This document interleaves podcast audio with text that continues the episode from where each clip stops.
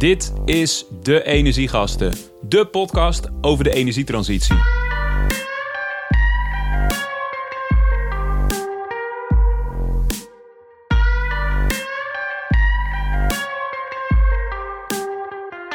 Yes, je hebt hem gevonden. Tof dat je hem aan hebt gezet, deze nieuwe episode van De Energiegasten. Mijn naam is Peter Melis en zelf werk ik ehm, als dagvoorzitter in de wereld van energietransitie, maar host dus ook deze podcast. En ehm, soms is dat samen met Timo Spijkerboer, mijn eh, co-host. Alleen aangezien hij ook nog eens eh, de baas is van EAZ Wind en een dochtertje heeft, eh, gebeurt het ook vaak dat ik hem alleen doe. En deze episode is dat dus zo. Gelukkig niet helemaal alleen, want ik heb natuurlijk een gast. Deze episode gaan we in op demand response, energiehandel. dus het matchen van vraag en aanbod op de energiemarkten. Super interessant onderwerp. We zijn daar ooit al een keer in, ehm, best wel een tijd terug al, in aflevering 7 zijn we daar al een keer op ingegaan. Toen samen met een meteoroloog, die dus echt als, als handelaar um, daarmee bezig was. En nu met Remco van den Elzen. Remco is medeoprichter samen met Thomas Volker van Leap. En Leap is een bedrijf dat, dat vraag en aanbod uh, aan elkaar koppelt op die, op die onbalansmarkt. Uh, en dat doen ze niet in Nederland. Maar om het nog eens extra interessant te maken, doen ze dat voornamelijk in de US, in Amerika. Um, zijn begonnen in California. Um, voordat Remco met, uh, met Leap begon, heeft hij al een, een achtergrond in de, in de softwarehoek. Hij startte ooit met een aantal andere compagnons Distimo. Uh, dat zich heel erg richtte op uh, analytics van mobiele apps. Nou, dat bedrijf is na een aantal jaren is dat succesvol verkocht.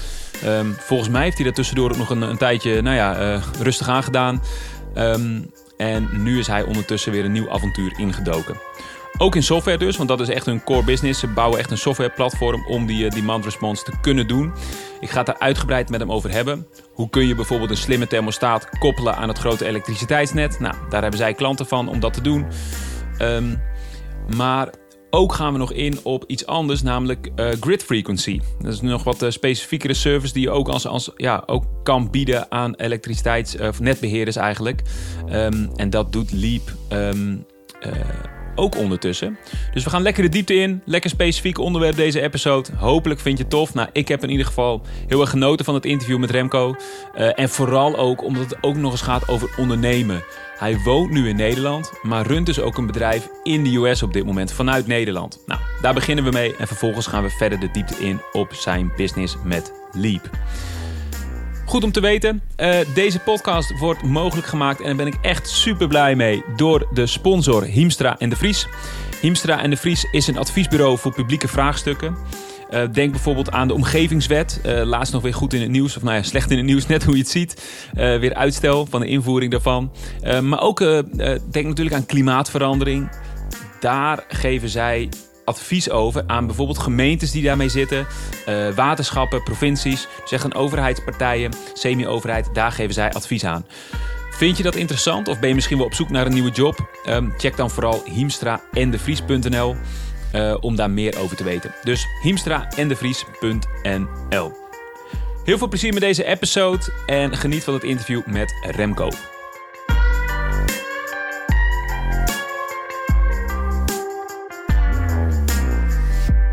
Ik zit hier met Remco in Nederland. Remco onderneemt in, eigenlijk vooral in de US, eh, in Amerika. Um, maar jij woont nu in Nederland. Heb jij een soort dubbel leven dat je deels in Amerika leeft en deels in Nederland? Hoe ziet dat eruit? Ja, we zitten hier eigenlijk nu uh, een maand of acht in Nederland. Na acht jaar lang in het buitenland uh, te hebben gezeten. Um, dubbelleven zou ik nog niet willen noemen, moet ik zeggen. Nederland is, uh, het is zeer leuk om hier weer, hier weer te zijn. Uh, maar ja, het leven in Amerika was zeer anders. En vooral het laatste jaar dat we een tijdje in, in Hawaii hebben gezeten. Uh, dus het was heel anders. Maar, tijdens um, corona? Tijdens corona, ja. Dat was een hele andere wereld. Dus we zijn nog een beetje aan het uitzoeken hoe we ons leven voorziens uh, willen indelen. Maar uh, ja, dit voelt ook wel weer als thuiskomen. Maar jij, voor de duidelijkheid, jij, jij, voor jou is het heel logisch. Maar jij, jij, draait, als ik het goed begrijp, jij draait een bedrijf, um, een Amerikaans bedrijf vanuit Nederland. Ja, dat klopt. Ja. Hoe, hoe werkt dat in de praktijk? Um, nou, het, het, is natuurlijk allemaal remote en we zitten in software. Um, dus wij hadden vroeger wel twee kantoren. Um, maar uiteindelijk de toekomst is natuurlijk remote werken. Uh, de, de, klanten van ons en de meeste business zitten in Amerika. Ehm, maar dat wil natuurlijk niet zeggen dat je werknemers er ook moeten zitten. Dus in de praktijk werkt het eigenlijk heel goed. Dus we werken in de tijdzones tussen eigenlijk Californië en hier. Dus maximaal 9 uur tijdsverschil. Dus aan het einde van de dag heb je wat meer meetings en dergelijke. Ehm, maar ja, het geeft je natuurlijk de mogelijkheid om talent overal te vinden. Uh, en het geeft gewoon heel veel flexibiliteit aan mensen ook. Dus je merkt dat je veel mensen kunnen verhuizen. Veel mensen zijn ook verhuisd de laatste twee jaar. Omdat ze gewoon ja, flexibel zijn. Ze kunnen wonen waar ze willen. Zit er ook nog een nadeel aan? Dat is misschien een beetje een hele Nederlandse vraag. Hoor. Maar dan denk ik, ja, maar je ziet je team niet en je mensen niet... terwijl jij uh, co-founder bent. Hoe werkt dat? Ja, nou, ik denk vooral met corona was er wel een nadeel hoor. Omdat je natuurlijk ook moeilijk kon reizen. Dus het team heeft elkaar heel lang niet gezien. Um, ik denk zonder corona, of met in ieder geval minder restricties en dergelijke, kan je makkelijker uh, in ieder geval naar elkaar toe. Dus je, je moet meer denken in events en dergelijke met je, met, je team, uh, met je team. In plaats van dat je elke dag gewoon puur naar kantoor gaat. Ja. Um, maar ik denk inderdaad, de cultuur en dergelijke, het is natuurlijk wel moeilijker om dat um, goed te krijgen zoals je wil. op kantoor werken is natuurlijk altijd wel gewoon leuk, maar ook limiterend. Ja. ja. Dus is het echt een keuze geweest dat je nu dan alles op afstand doet met je bedrijf? Of is dat meer zo gekomen? Ja. Nou ja, we zijn, ze zijn eigenlijk wel een beetje begonnen natuurlijk. We begonnen in San Francisco en toen een aantal werknemers van mijn vorige bedrijf zijn toen begonnen. Uh, en die zaten in Nederland. Dus we zijn eigenlijk al okay, meteen... Dus vier jaar terug begon jij met Leap. En een aantal werknemers van, van Distimo, je vorige bedrijf, ja. die kwamen ook mee ja, dus twee, twee specifiek. Uh, fantastische engineers. Die zijn toen meteen begonnen bij ons, maar die werkten in Nederland. Uh, dus we hadden eigenlijk wij twee met, uh, met één ander in, in San Francisco. En twee engineers in Nederland. Dus we begonnen eigenlijk al met een heel groot tijdsverschil. Ah, ja. maar nog wel met twee fysieke locaties waar mensen waar ze naartoe kwamen. Ja. en die fysieke locatie die hebben we. We hebben nu nog wel een kantoor in Utrecht. Maar de meeste mensen gaan daar eens in de twee weken naartoe misschien. Oh, dus een leegstaand kantoor zou je kunnen zeggen. Dus als iemand nog een kantoor zoekt in Utrecht, dan heb jij nog wel een plek voor iemand. Nou ja, het is, wij zien het meer als een, een, een, plek waar je eens in de zoveel tijd samen wil komen voor de cultuur en voor overleg en zulke dingen. Maar puur daar dagelijks werken is denk ik niet de meest efficiënte oplossing. En we merken nu ook dat mensen hun leven hebben, anders hebben inggedeeld. Dus mensen willen helemaal niet. Vaak, als je nu vraagt van joh, wie is er morgen op kantoor? Dan zeggen de meeste mensen van ja, morgen heb ik eigenlijk, hè, ik moet wachten op een pakketje. Of uh, de kinderen moeten naar school, dus ik kan eigenlijk niet. Ja. Terwijl vroeger kwam iedereen vijf dagen per week naar kantoor. Dus iedereen heeft zijn leven ook volledig anders ingedeeld. Ja. Um, deze podcast gaat niet over uh, organisatiestructuren en over remote werken. We gaan het hebben over de energietransitie. Daar zit jij middenin. Je hebt een achtergrond in software. En eigenlijk, als ik het goed begrijp, zit Leap ook echt op het software stuk. Hè? Wat doen jullie? Wat maken jullie? Wat bouwen jullie? Ja, ja wij maken eigenlijk software um, voor bijvoorbeeld batterijen. Om te helpen met het balanceren van het net. Um, en wij maken dat puur alleen software. We willen geen batterijen maken of geen thermostaten maken. Maar we zien gewoon dat er heel veel partijen zijn die dat natuurlijk al doen. Maar die zijn eigenlijk minder sterk op het op softwaregedeelte met specifiek de integratie met het net. Want zij hebben natuurlijk, ze maken fantastische Nest thermostaten bijvoorbeeld. Um, maar zij zijn vooral bezig met hey, hoe maken we de beste thermostaat in de wereld. Ja. Ze zijn minder bezig met oké, hoe kunnen we die thermostaat gebruiken om het, het net te helpen. Um, en daar maken wij de software voor. Maar dat doen we inderdaad op wereldwijde schaal. Uh, dus we willen eigenlijk zorgen dat ze één softwarepakket kunnen gebruiken um, om geld te verdienen. Wie ehm, zijn ze in dit geval? Ja, dat zijn dus partijen zoals een Nest bijvoorbeeld, is een van onze grootste partners. Die hebben natuurlijk miljoenen uh, thermostaten. en die kunnen dan simpelweg onze software gebruiken om die Nest thermostaten in de markt te krijgen en daarmee geld te verdienen en daarmee de wereld een stukje beter te maken. Dus je zegt onze, onze klanten eigenlijk, zoals een Nest, die richten zich eigenlijk op, op, op waar zij goed in zijn. Op, op bijvoorbeeld een hele, de beste thermostaat van de wereld bouwen. Maar jij zegt, wij zijn beter in, in die koppeling met de elektriciteitsmarkten. Ja, het is eigenlijk een hele, hele aparte business. Um, het, kost, het kost gewoon ook heel veel resources. Het is uh, heel specifiek. Um, de meeste partijen die zullen daar gewoon niet op focussen. Hetzelfde geldt voor denk ik autofabrikanten, elektrische autofabrikanten ja, die zijn natuurlijk aan het concurreren met bijvoorbeeld een Tesla en dergelijke... om de meest efficiënte auto te maken, de beste auto... Uh, zorgen dat die zelfrijdend wordt en dergelijke. Ze zijn meestal minder bezig met... oké, hoe, hoe gebruik je die batterij die in de auto zit om te helpen met het net? Dat is wel iets waar ze in geïnteresseerd zijn. Maar ze hebben niet honderden software engineers klaarstaan om daar puur op te focussen. Ze willen gewoon focussen op het, bouwen van de beste auto. Ja. En uh, hoe, hoe, is dat pad tot nu toe? Vier jaar onderweg. Uh, is het gelukt? Heb je een platform wat goed werkt, wat aanslaat? Ja, nee, dat was al, was al een, een, een, eh, bijzonder traject. aan het begin zetten we eigenlijk behoorlijk groot in. Dus Ehm, we willen natuurlijk die software uh, aan de man brengen bij, die, bij, die, bij veel van die, van die partijen. Uh, maar het is, het is iets complexer dan alleen software. Je hebt eigenlijk ook een soort van, van vraag nodig voor het product dat zo'n partij kan bieden. Dus een, een thermostaat kan dus eigenlijk het, de, de, de, consumptie bepalen van een, van een eindconsument. Maar de, de grid operator of het net eigenlijk, of de, de utility, um, die moet daar nog vragen naar hebben en die moet daar nog wat voor gaan betalen. Ja. Um, en om dat helemaal te starten, zijn we eigenlijk eerst een contract aangegaan met een van de utilities in Californië, om, ja. uh, om daarvoor betaald te krijgen. Dus dat is jullie, dat is jullie startprijs, Californië. Een contract gesloten met een utility. Ja. Die, en waar wilde die utility voor betalen? Voor eigenlijk een, een reductie in, energie, in energiegebruik op het moment dat dat nodig was. Okay. Dus, um, dus balanceren van het net. Ja, ja. En daar betalen ze een bepaald bedrag voor per jaar. Um, dus wij zijn eigenlijk dat contract aangegaan, maar toen hadden we eigenlijk nog niks. We hadden twee engineers natuurlijk. Of, nou ja, toen hadden we denk ik wel twee engineers in Amerika. Of in Nederland. Uh, wij zaten met z'n tweeën in Amerika in een kantoortje. We waren een contract aangegaan, een behoorlijk contract van 90 megawatt. Uh, dat is behoorlijk veel. Er zijn maar ja. weinig partijen die dit hebben. Even voor orde grote, een hele grote windmolen is 5 megawatt uh, toch ongeveer. Uh, ja, ja, daar moet je dus heel wat bij elkaar, uh, bij elkaar krijgen. maar dan moet jij ook in, in, in gedistribueerde assets hebben. Dus een, een, we konden niet opeens een windmolen gaan kopen. Nee. Je moest allemaal thermostaten krijgen. En een, een thermostaat is ongeveer een kilowatt. Dus maar, maar, die had je dus nog niet even voor de duidelijkheid. Dus, dus, dus, dus het klinkt best groot. Ineens 90 megawatt contract. Ja. jij tekent dat met een, met een opdrachtgever. Ja. Um, of met een klant eigenlijk in dit geval. Ja. Uh, en je hebt eigenlijk nog niet... Je hebt nog niks eigenlijk aan de andere kant staan. Ja, dat klopt, ja. ja Had jou wel het platform om het aan elkaar te koppelen? Nee, nee we hadden eigenlijk nog niks. Nee. Okay. We hadden een idee, we hadden Excel-sheets en we hadden een plan. en toen, wat, ging je, wat gebeurde er toen? Nou, dat was behoorlijk hard werken. Dus engineers die hebben dat in, in Nederland echt uh, hartstikke fantastisch gedaan. Paul en Koen die hebben dat, uh, die waren meegekomen van de Distimo. En die waren wel een beetje verbaasd dat wij ook zeiden van... joh, we accepteren het hele contract en we gaan ervoor. Um, maar die hebben dat fantastisch uit de lucht gestampt eigenlijk. Um, en dat werkte gewoon. Op 1 januari moest het klaar zijn en op 1 januari was het ook klaar. De grote uitdaging was natuurlijk om genoeg eindconsumenten te hebben... die um, 90 megawatt konden leveren. Maar hoeveel tijd? Want je zegt nu 1 januari. Wanneer werd het contract getekend? Hoe lang daarvoor? Niet zo lang daarvoor. 9 maanden, 8 maanden denk ik. Dus je hebt 9 maanden, 8 maanden de tijd om en ja. het platform te bouwen. Dat ja. lukte. Ja. En vervolgens heb je niks aan een platform als er natuurlijk geen thermostaten aanhangen, nee. zo gezegd. Nee, dus wij moesten hard aan, uh, hard aan het werk. En we hadden inderdaad, om een beetje een idee te geven, ongeveer 90.000 huishoudens nodig.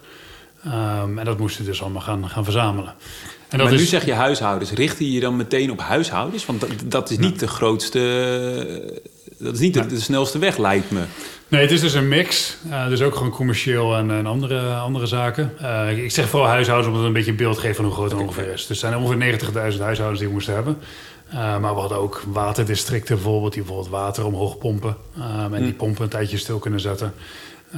batterijen bijvoorbeeld, die natuurlijk wat groter zijn. Dus het is een hele mix en dat is denk ik de kracht van het platform. Uiteindelijk maken we één platform wat eigenlijk kan werken met elke soort asset of zo, elke soort energieresource, hoe zeg je dat in het Nederlands? Um, ja, je bent een beetje veramerikaniseerd, ja, een klein beetje wel. een klein beetje.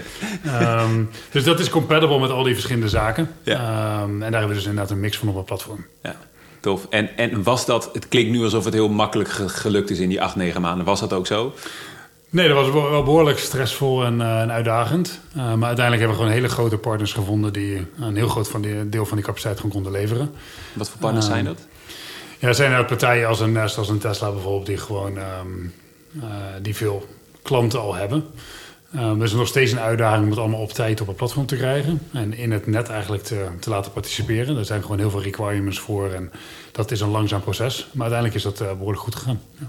En nog even specifiek om het helemaal tot op detailniveau te begrijpen. Die 90 megawatt zeg je, dat is een bepaalde hoeveelheid capaciteit. Ja. Die moet je dan op een bepaald moment volledig kunnen downscalen, dan ga ik ook ja. al een beetje. Uh, ja. dat is hoe het werkt. Dat, dat, dat de grid operator zegt: oké, okay, op dit moment, uh, we zien morgen iets gebeuren of over een uur. Uh, hoe, hoe, werkt dat? Ja. Ja, dat is um, in Californië hoe het echt zo werkt. Dat, dat noemen ze een capaciteitsmarkt. Um, en daar is het eigenlijk, wordt het een beetje gezien van... oké, okay, als je normaal een, een peaker plant hebt... Um, die op elk moment energie kan leveren... Uh, wat wij leveren is eigenlijk het, het, exact hetzelfde, maar in plaats van energie leveren, reduceren wij uh, energie ten opzichte van wat er anders zou zijn gebeurd. Dus als je normaal een, 10, een duizend huishoudens hebt die allemaal een kilowatt gebruiken, dan gebruiken ze een megawatt tussen bijvoorbeeld 4 en 9 uur s middags. Ja. Um, wij zeggen dus van oké, okay, wij kunnen die huishoudens vragen om dat allemaal naar nul te reduceren. Um, en dat is dus een megawatt waard um, en dat wordt gezien als een levering van energie. Oké, dus eigenlijk ben je energieleverancier, zou je kunnen zeggen. Zo, zo word je ook vergoed. Ja. En dat verdeel je dan weer over de mensen die aan de andere, of de klanten die aan de andere kant hebben zitten. Ja, exact. Dus uh, zo is het. Ja. En komt het dan ook voor in die, in die contractperiode dat er 90 megawatt echt geleverd moet worden? Um, wel eens, niet vaak hoor, maar er zijn natuurlijk wel redelijk wat uh, emergencies geweest, in, vooral in Californië met wildfires en dergelijke. Meestal is het niet dat het, want onze thermostaat en dergelijke en batterijen zitten over heel Californië. Meestal is het meer lokaal. Maar is het, is wel regelmatig lokaal dat je alles moet leveren wat je hebt. Um, dus er was op een gegeven moment bijvoorbeeld een een uh, elektriciteitslijn aan de overkant van, van San Francisco. En uh, in een klein dorp daar was, was door een fire uitgegaan. En daardoor hadden al die dorpen heel weinig energie. Ja. Um, en dat was wel een leuke case, want wij konden dus zorgen dat thermostaten dus tijdelijk gingen reduceren. Uh, waardoor bijvoorbeeld de koelkast en de vriezers gewoon nog door konden werken. Um, en dat, is, dat wordt dan volledig geautomatiseerd wat we doen. Hoe gaat dat dan? Want je zegt volledig geautomatiseerd. Je, je noemt nu toch de thermostaat ook als voorbeeld. Betekent dat, stel je voor dat ik daar een huis zou hebben... en ik heb een, een Nest-thermostaat... gaat dan automatisch mijn temperatuur naar beneden? Hoe werkt dat proces? Ja, dat is uiteindelijk is wij geven incentives eigenlijk aan onze partners. Dus aan de, aan de Nest in Nest bijvoorbeeld. Ja, uh, geven wij een financieel incentive om mee te werken. Dus het is, het is heel erg vergelijkbaar hoe de, de publieke markt voor aandelen werkt. Uh, je, je, je maakt daar trades en dergelijke. Dus je, Um, je, geeft daar, ja, het is een, een, een, vraag- en aanbod spelletje eigenlijk, waardoor de prijs wordt bepaald.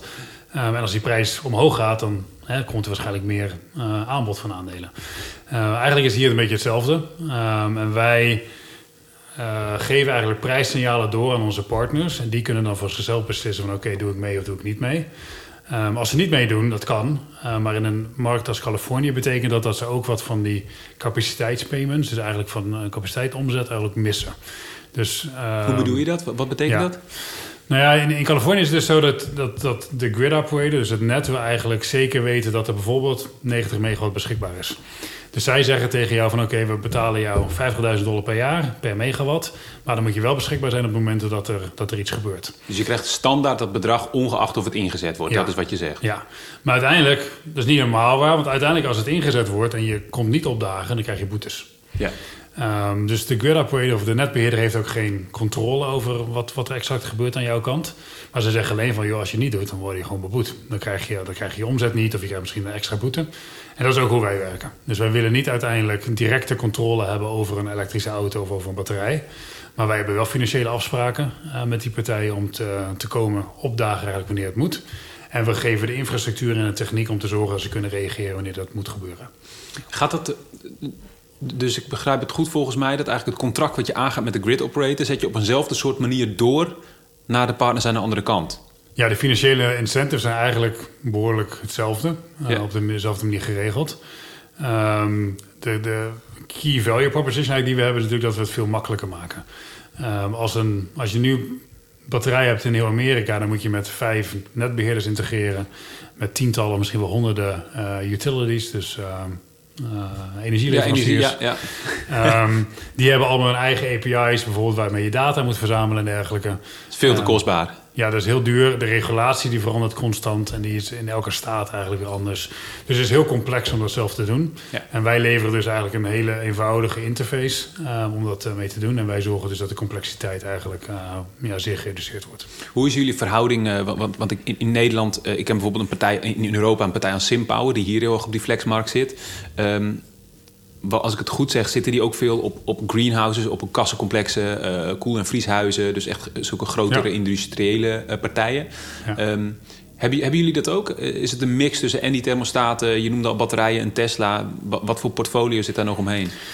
Ja, het zijn uh, heel varieerd. Ik denk dat in het algemeen hebben wij iets meer ook kleinere loads. Dus, uh, dus uh, thermostaten en dergelijke. En dat is puur omdat wij het geautomatiseerd hebben. Dus als je het niet automatiseert er zijn partijen die dan gewoon tekstberichtjes sturen, sms'jes sturen naar huishoudens om, om iets te doen.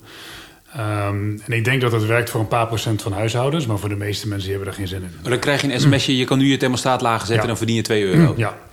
En er zijn een paar procent van de, van de huishoudens die zijn er hartstikke fanatiek mee. Die vinden het fantastisch. Uh, maar ik denk 95% van de mensen die zijn niet echt in geïnteresseerd. dus wij hebben alles geautomatiseerd. En daardoor kunnen we dus ook de kleinere huishoudens en dergelijke uh, uh, pakken. Maar het grootste deel van onze capaciteit is nog steeds batterijen, waterdistricten bijvoorbeeld, die gewoon hun lood kunnen reduceren. Ja. Um, elektrische auto's bijvoorbeeld, um, die, uh, die dat kunnen doen. Maar het is niet 95-5, het is wel uh, 70-30 of zo. Is het ja, zoiets? Zoiets, ja. Okay. ja. Dus 70% de grote, de grote spelers en 30% de kleine. En die kleine, om nog even dat te begrijpen hoe dat met thermostaten werkt. Je zegt het is geautomatiseerd. Als ik ik zit nog even weer in dat huis in Amerika. Ik ja. heb daar die, die Nest thermostaat aan mijn muur hangen. Ja. Wat heb ik dan als, als zeg maar klant van Nest en indirect dus ook klant van jullie... wat heb ik dan gezegd of moet ik dan toestemming ergens voor geven? Hoe werkt dat? Ja, dat ligt een beetje aan de implementatie van de partners. Maar, de, maar Nest bijvoorbeeld, die uh, vraagt er van tevoren toestemming voor. En wat ze eigenlijk doen is, in de meeste gevallen weten wij al een dag van tevoren dat er een, een event is morgen. Dus uh, tussen vijf en zes is er bijvoorbeeld te weinig energie. Dus wij weten al een dag van tevoren dat we mee gaan doen. Wat Nest dan doet, is dat ze het huis, in het geval van Californië, waar het redelijk warm is, dat ze pre-koelen. Dus ze zorgen dat als jij hem ingesteld hebt op 20 graden, dan koelen ze bijvoorbeeld af naar 19,5. Um, en dan zorgen ze dus voor dat ze dat uh, doen voordat het event begint. Dus als dat event van tussen 3 en 4 is, dan zorgen zij dat je huis 19,5 graden is in plaats van 20 graden om 3 uur. En dan kan het gedurende dat event window van dat ene uur, kan het dus langzaam oplopen naar 20,5. en daarna begint ze weer met koelen. Dus eigenlijk heb je dat als mens eigenlijk bijna niet door. Maar ja. dus, dus als ik het goed begrijp, verdien je daar dus ook als huishouden helemaal niks aan en gaat alle profit naar Nest? Of, of heb ik het nu... Nou, er zit nog steeds redelijk wat, uh, een thermostaat is tussen de 50 en 100 dollar per jaar waard. Ongeveer wat te doen. Dus op zich is dat nog best wel wat. Nee, maar ik bedoel, hoe je het nu beschrijft, klinkt alsof de klant er helemaal niks van merkt. Dus ik bedoel even, de, de, de ah. ik in mijn huis in, in Californië. Ik, ik, merk, ik merk niet dat het een halve graad uh, eerder uh, koud is geworden. Ja. Dus het klinkt alsof alle profit die jullie zeg maar, van de grid operator krijgen, alsof die alleen bij de partner terechtkomt en niet bij de klant weer van de partner. Klopt dat? Dus niet bij degene met het huis met zijn thermostaat nee, aan de muur. Nou, nou, dat is niet waar. Veel van die incentives gaan eigenlijk uh, toch wel door naar de eindconsument. Um, er is nog steeds approval nodig. Dus de eindconsument moet er iets voor doen. Hij moet ook nog autoriseren dat de data bijvoorbeeld gedeeld wordt. Dus de data okay. moet ook verzameld worden. Yeah. Um, uiteindelijk doen heel veel partijen het indirect om hun hardware iets goedkoper te maken. Maar ook gewoon omdat ze weten dat het hun, hun hele merk natuurlijk... Um, hun merknaam verbetert eigenlijk doordat ze iets met klimaat doen. Ja. Um, dus dat heeft best wel wat impact. En veel consumenten die, uh, die krijgen daar toch wel indirect... Uh, of vaak ook wel direct incentives voor. Oké. Okay. Maar in jullie geval niet, of gebeurt het bij jullie ook wel eens dat je wel zo direct als een sms'je ook... heb je ook klanten die met, met zo'n zo, zo manier... Uh, ja, je hebt eigenlijk alleen met hele grote. Dus het aantal van de waterdistricten voor zijn nog niet volledig geautomatiseerd. Um, en daar zijn het soms waterpompen die een paar megawatt zijn. Dan krijgt zo'n operator een sms'je, je kan nu even... Ja, dat zijn vaak... Um, groot deel is nog steeds geautomatiseerd hoor. Maar er zijn een aantal waarvan nog steeds e-mailtjes... We sturen nog steeds e-mails met, uh, met dispatch notificaties die we dan noemen. Ja. Um, voor een aantal van die uh, grotere loads die iets meer manual zijn. Oké. Okay. Matig. Je bent nu vier jaar onderweg. Ja. Um, wat heb je zien gebeuren in die markt? Je bent begonnen met dat 90 megawatt contract. Uh, hoe is het pad daarna gegaan? Wat heb je zien veranderen in de markt? Hoe zijn jullie veranderd? Wat is daar gebeurd? Ja, nou, we hebben natuurlijk veel meer uitgebouwd. We zijn naar andere markten gegaan. Dus we begonnen alleen in Californië. Nu zijn we ook actief in New York en Texas. Um, die markten zijn overigens ook alweer behoorlijk anders dan Californië. Dus we zien daar veel, veel verschillen. En dat is de staat New York dan, hè? Want het is echt een staat ja. gedreven ja. natuurlijk. Ja. ja, maar zelfs... Het is staatgedreven, maar zelfs binnen New York, binnen New York City heb je allerlei verschillen. Um, en je ziet dat, we, dat weer dat er verschillen zijn tussen New York en, en, andere plekken. In New York mag je vaak geen batterijen hebben bijvoorbeeld thuis voor brandgevaar en andere dingen. Dus er zijn heel veel nuances in verschillende markten die je allemaal mee moet nemen, die behoorlijk complex zijn om te begrijpen. Um, maar het grootste deel van de afgelopen paar jaar is natuurlijk heel veel automatiseren. In het begin, het platform werkte, maar wilde niet zeggen dat het volledig reliable was en altijd deed wat het moest doen. uh, dus we hebben daar heel veel in geïnvesteerd om dat veel meer uh, uh, reliable te maken. Um, naar andere markten gegaan natuurlijk. En gewoon heel veel partners um, op het platform gekregen. Die allemaal aan het beginnen zijn met, met meer assets of meer hardware devices op het platform te krijgen. En dat is gewoon wel een hele grote uitdaging. Maar we geloven inderdaad in dat als je goede relaties hebben met zulke partners. En dat je dat nou ja, eigenlijk in hun sales cycle komt. Dus eigenlijk wil je natuurlijk zorgen dat zodra jij een batterij komt, dat je meteen koopt, dat je meteen zegt van oké, ik krijg een 1000 dollar korting op die batterij, maar ik doe mee met grid services eigenlijk voor de komende 10 jaar. Ja. En eigenlijk wil je dat dat volledig in het sales cycle proces komt. Uh, omdat elke batterij die gekocht wordt automatisch meedoet in zulke dingen. Als jij het hebt over batterijen die gekocht worden, heb je het dan over thuisbatterijen of heb je het dan over batterijen voor industrie of iets anders? Allebei. Uh, dus we, we, hebben ook allebei op het platform. Uh, dus gewoon uh, thuis residential. Dus hoe noem je residential? Ja, dat is hu huishoudens. Huishoudens. huishoudens. batterijen die jij en ik gewoon thuis kopen. Ja. Maar ook gewoon grotere installaties die gewoon meerdere megawatten zijn. Ja. ja.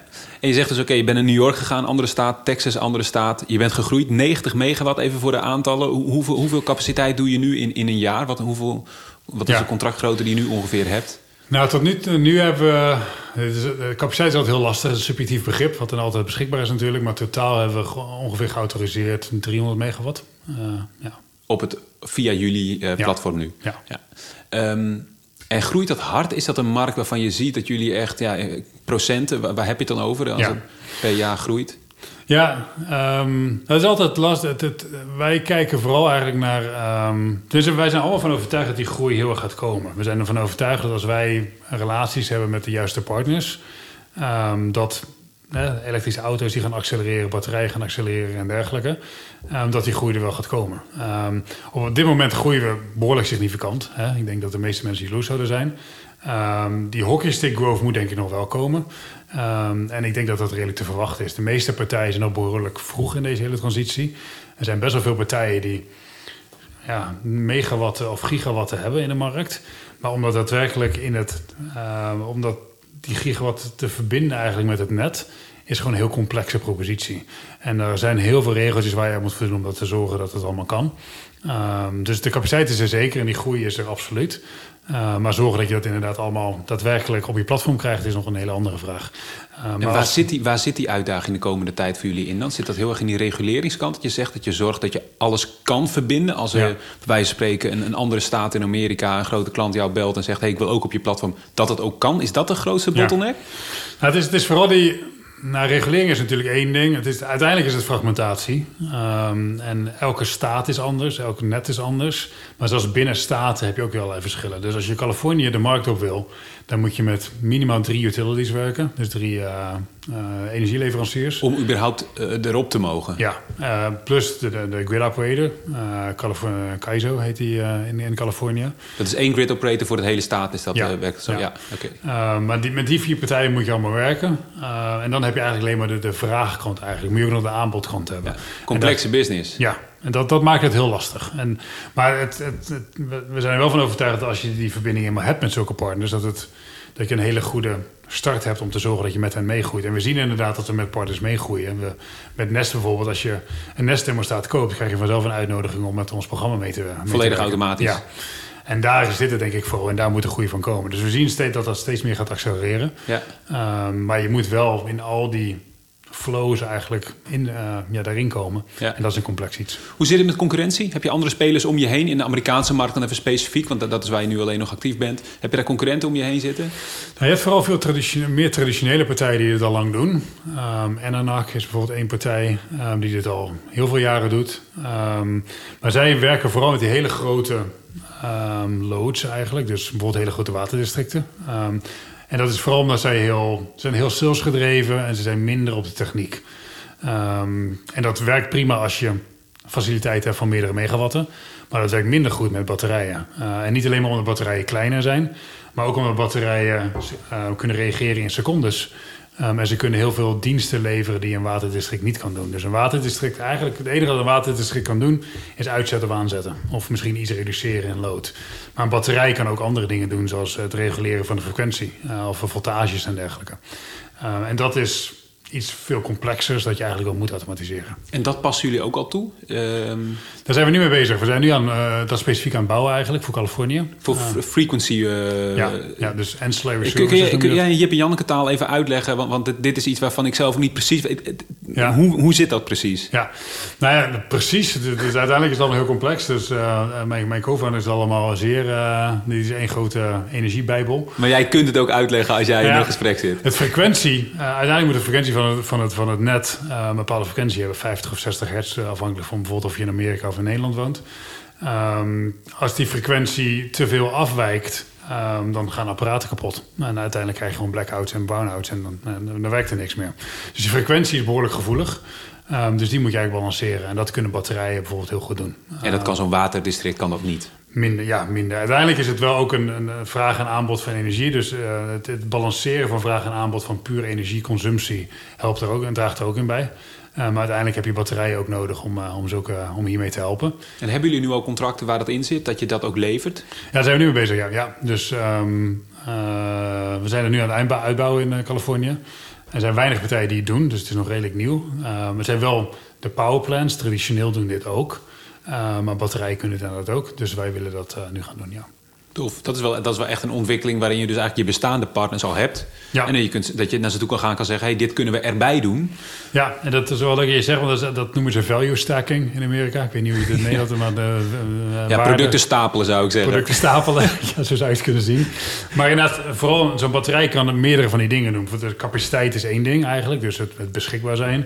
Energie is iets, daadwerkelijk energie leveren als het nodig is. Ja. Maar die ancillary services is iets anders. Dus Um, ze noemen de batterijen voor mij ook wel eens de Swift Army Knife of de Bacon of the Grid. Bacon of the Grid is natuurlijk heel Amerikaans. Bacon of the ja, de Bacon is, in Amerika doen, bacon is overal lekker bij, vinden ze in Amerika. dat, dat, uh, welke hamburgers is bacon. Dus dat, dat noemen ze de batterij ook. Uh, ja. Die batterij kan eigenlijk bijna alles doen wat de grid nodig heeft.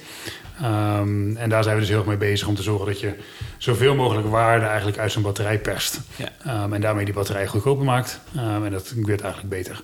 Zijn er meerdere van zulke soort ontwikkelingen? Want nu zeg je, oké, we begonnen met echt alleen secte capaciteit. Het kunnen downscalen van, van de vraag naar energie. Frequency uh, regulation, hoe, ja. wat is het? Frequentieregulering, vermoed ik. komt er nu bij? Zijn er andere van zulke soort producten, uh, diensten die erbij komen voor jullie? Ja, ja um, zeker. Het is alleen, er zijn er zoveel en dat is een van de uitdagingen in deze markt, denk ik. Wij kunnen altijd um, breder, uh, geografisch, laat maar zeggen. Dus we kunnen naar andere markten toe, zoals een, nieuwe staat of een nieuw land. Of we kunnen dieper in een bepaalde markt waar we al zitten. Um, en er is gewoon superveel te doen. Dus alleen al uitbreiden naar verschillende markten met puur energie en capaciteit, wat we nu doen, is gewoon al heel erg veel werk en complexiteit. En als je ook nog in al die markten dieper wil gaan, dan, dan is dat gewoon heel intensief. Um, maar daar kies je dus minder voor. Je kiest meer voor de geografische spreiding, zeg je? Nou, we, we kiezen voor een mix van allebei. Um, maar we gaan nog niet alles doen in, in elke markt. Okay. Um, dus dat is een beetje een complex antwoord. Maar uiteindelijk geloven we wel echt heel erg in die batterijen en elektrische auto's. Die gaan heel erg hard groeien. Dat is echt een groeimarkt. Dus daar willen we wel echt op focussen. Maar het klinkt ook een beetje alsof je een beetje een antwoord ontwijkt. Alsof er iets geheims nog achter zit. Want, want ik, ik, probeer te vragen van... oké, je, hebt, je, hebt, je hebt de capaciteit. Je hebt ja. frequency uh, regulation, uh, balancering. Zijn er nog meer van zulke producten waar je ja. specifiek, waar je wel echt op inzet, waar je aan het ontwikkelen bent, wat je al verkoopt of gaat verkopen? Okay. Op dit moment ontwikkelen we het niet, maar het is zeker dat we goed in de gaten houden. Het is wel een. Uh, Zo'n batterij kan gewoon heel veel. En er zijn veel, van die, van, veel onderzoek gedaan eigenlijk naar, naar welke diensten zo'n batterij van allemaal niet kan leveren. Maar we beginnen gewoon met de meest waardevolle en de meest toegankelijke. En gaan dan verder naar, naar beneden eigenlijk. Oké, dus dat, de meest waardevolle, dat is nu echt de capaciteit en die frequentie. Ja, capaciteit, energie en die, uh, en die, en die ancillary services, ja. ja. ja. Um, um, ander vraagje nog. Uh, ik zit even te kijken, wat schoot me nog iets te binnen. Um,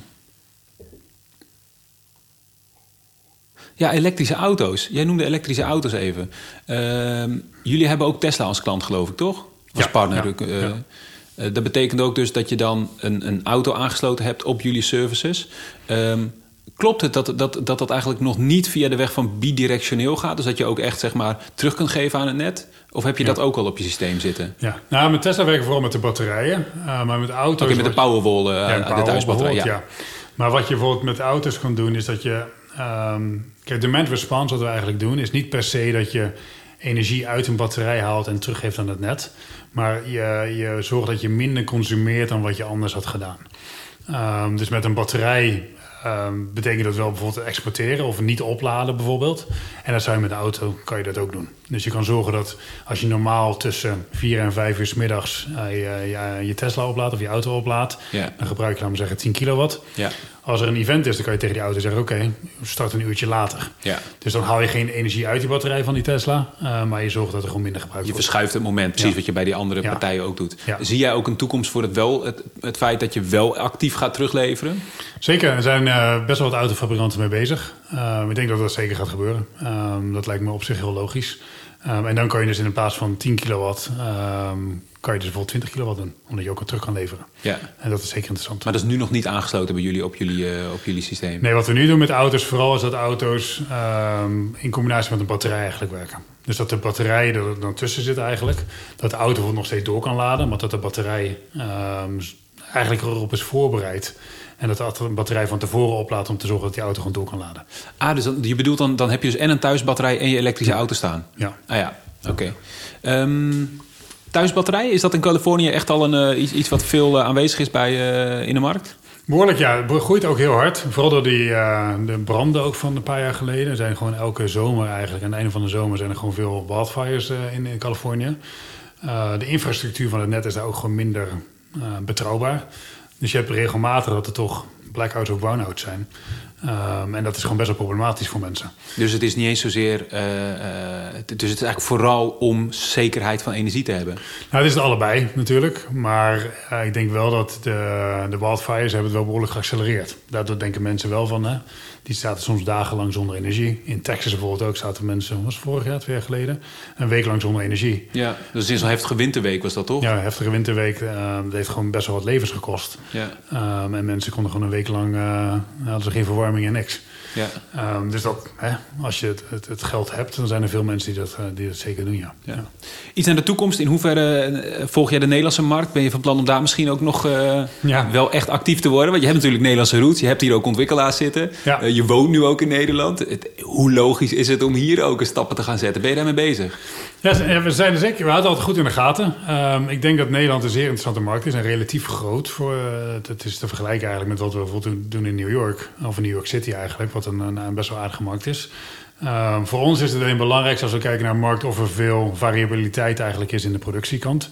En dat betekent eigenlijk veel renewables. Er zijn er veel, is er veel zonne-energie, veel windenergie en dergelijke. En in Nederland groeit dat zeker, maar het is nog niet uh, op een niveau zoals bij, bij in Californië of in Texas bijvoorbeeld.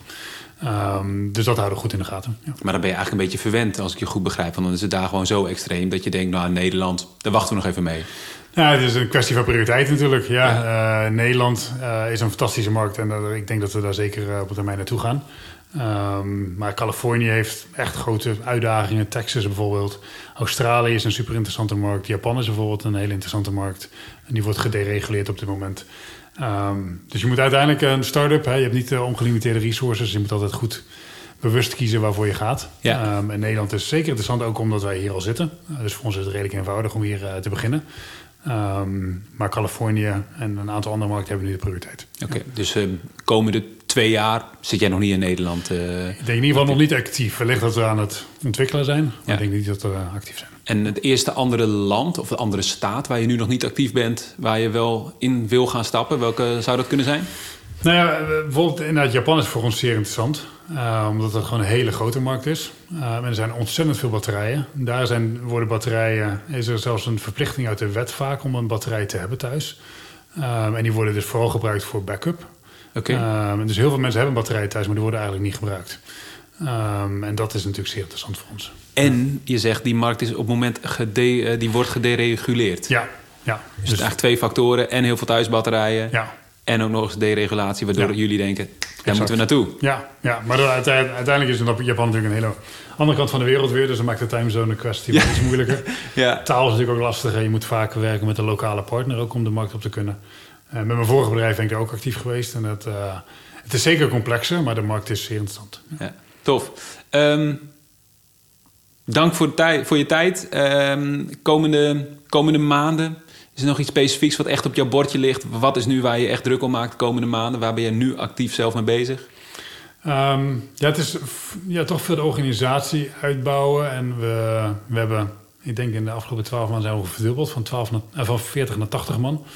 Um, dus ja, er staan iets van 20 vacatures ook op de site, zag ik. Ja, dus we zijn behoorlijk aan het, uh, aan het hiren. Ehm, dus dat allemaal in goede banen leiden uiteindelijk natuurlijk. Maar praktisch, als je meer kijkt naar wat we, wat we exact doen, uh, de marktexpansie en zorgen dat we heel veel traction, dus hoe noem je het in het Nederlands? Um, traction is goed, dat kan. traction, oké. Ehm, dat we heel veel traction hebben in andere markten. Dat we echt zien dat dit niet alleen goed werkt in bijvoorbeeld in Californië en in Texas, maar dat het echt een oplossing is die in heel veel verschillende markten heel veel impact kan hebben. Ja. Misschien me nog een laatste vraag te binnen, dan gaan we echt afronden. Traction doet me denken ook aan investeerders, hoe jullie gefinancierd zijn. Is het, is het voor jou een pad waarin je eigenlijk van investeert? Dat is natuurlijk ook eh, een soort van de Amerikaanse start-up noem je. Ik, denk dat je meer een scale-up bent als je al met 80 man zit, maar dat, ja, dat maakt niet zo heel veel uit hoe je het precies noemt. Ehm, ben je echt van investeringsronde naar investeringsronde aan het gaan? Hoe, hoe ziet dat eruit? Wel redelijk, ja. Dat is eigenlijk iets wat ik denk ik geleerd of fout heb gedaan bij mijn vorige bedrijf. Waar we eigenlijk denk ik redelijk Nederlands waren. Dat we alles uit omzet financierden. Uh, maar uiteindelijk, als je in een hele grote markt en een schaalbare markt zit, um, dan zal er waarschijnlijk een keer een concurrent komen die wel investeringen ophaalt en je voorbij gaat. Die veel harder gaat, veel meer resources. Ja. Dus ik denk inderdaad dat uh, in dit geval investeringen ophalen de, de logische, uh, het logische pad is eigenlijk. En wat voor waar zit je nu op dat pad? Um, nou ja, we hebben een aantal rondes gedaan. Ik denk dat ik nu, ja, laat, laat zeggen, rondom de 50 miljoen dollar opgehaald. Um, ja, Hoeveel daar nog moet komen, dat, dat, is natuurlijk altijd moeilijk in te schatten. Maar uiteindelijk is het een pad natuurlijk dat je een aantal rondes doet, uh, redelijk wat geld ophaalt en op een gegeven moment toch profitable wordt om je eigen broek omhoog te houden. Ja. Uh, maar dat is een pad waar we op zitten. Ja. Maar dan zie je ook vaak het pad dat naar de toko verkocht wordt aan een andere grote speler. Dat kan ook, ja. Wat, wat ehm, zou een partij kunnen zijn, als jij, jij kent de markt goed, wat zijn partijen die voor jullie aankloppen of misschien al aangeklopt hebben, die interesse hebben? Wat voor partijen denk je dan aan? Er zijn best wel veel partijen die natuurlijk in, in trading zitten. En natuurlijk uh, traditionele, traditionele bedrijven natuurlijk die transities willen maken. Uh, je denkt natuurlijk, nou, als je aan Nederland denkt, zijn natuurlijk partijen als Shell en dergelijke die hier ook mee bezig zijn, zulke dingen. Um, maar je hebt ook partijen die natuurlijk uh, dit voor zichzelf bouwen. Dus toch een partij als een, een bij wijze van spreken, een partij die nu thermostaten maken of batterijen. Of elektrische auto's die hier iets mee willen. Um, ik denk dat het, we, we, hebben gewoon een best wel unieke positie in de markt, denk ik. Dus ik denk dat het dat er zeker uh, vraag voor zal zijn. Um, maar gaat nog niet gebeuren? Nou, idealiter denk ik, als je een eigen bedrijf hebt... Je, zelfstandige bedrijven zijn meestal succesvoller, denk ik. Um, maar het kan altijd zijn dat er natuurlijk een keer een partij komt... en dat het een fantastische fit is. Maar dat is niet, het, uh, niet ons doel. Nee. nee. Helder. Dank voor je tijd. Heel veel succes de komende tijd uh, om het verder uit te bouwen. En uh, als je naar Japan gaat, laat het weten. Of in Nederland actief wordt, dan kunnen ja. we dan de tweede episode doen. Fantastisch. Hartelijk dank. Top. Dit was hem, deze episode van De Energiegasten. Ik hoop dat je genoten hebt van het interview met Remco. Um, check vooral de show notes als je meer achtergrond wil weten. Ik zal daar de links in delen. Ook nog wat links die, um, die Remco met me deelde. Um, dus check dat vooral als je wat verder de diepte in wil. Wil je op de hoogte blijven, abonneer je dan vooral op deze podcast. dan uh, zorg je dat je automatisch ook van de nieuwe aflevering uh, weet dat die online staat. Een review achterlaten kan natuurlijk ook. Dat kan bijvoorbeeld in de, in de podcast-app van uh, Apple. Um, daar help je mij enorm mee als je een review achterlaat. Uh, je kunt een aantal sterren geven. Nou, ik zou zeggen, doe lekker vijf sterren. Maar ja, als je dat niet waard vindt, moet je ook vooral eerlijk zijn.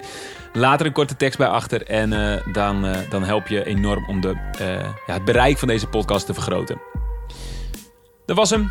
Als laatste nog dank aan de sponsor Hiemstra en De Vries. Een adviesbureau voor publieke vraagstukken. Super fijn dat zij deze podcast sponsoren. Check www.hiemstraendevries.nl voor meer over uh, hun activiteiten en uh, de vraagstukken waar zij advies over geven. Hiemstraendevries.nl Tot de volgende episode.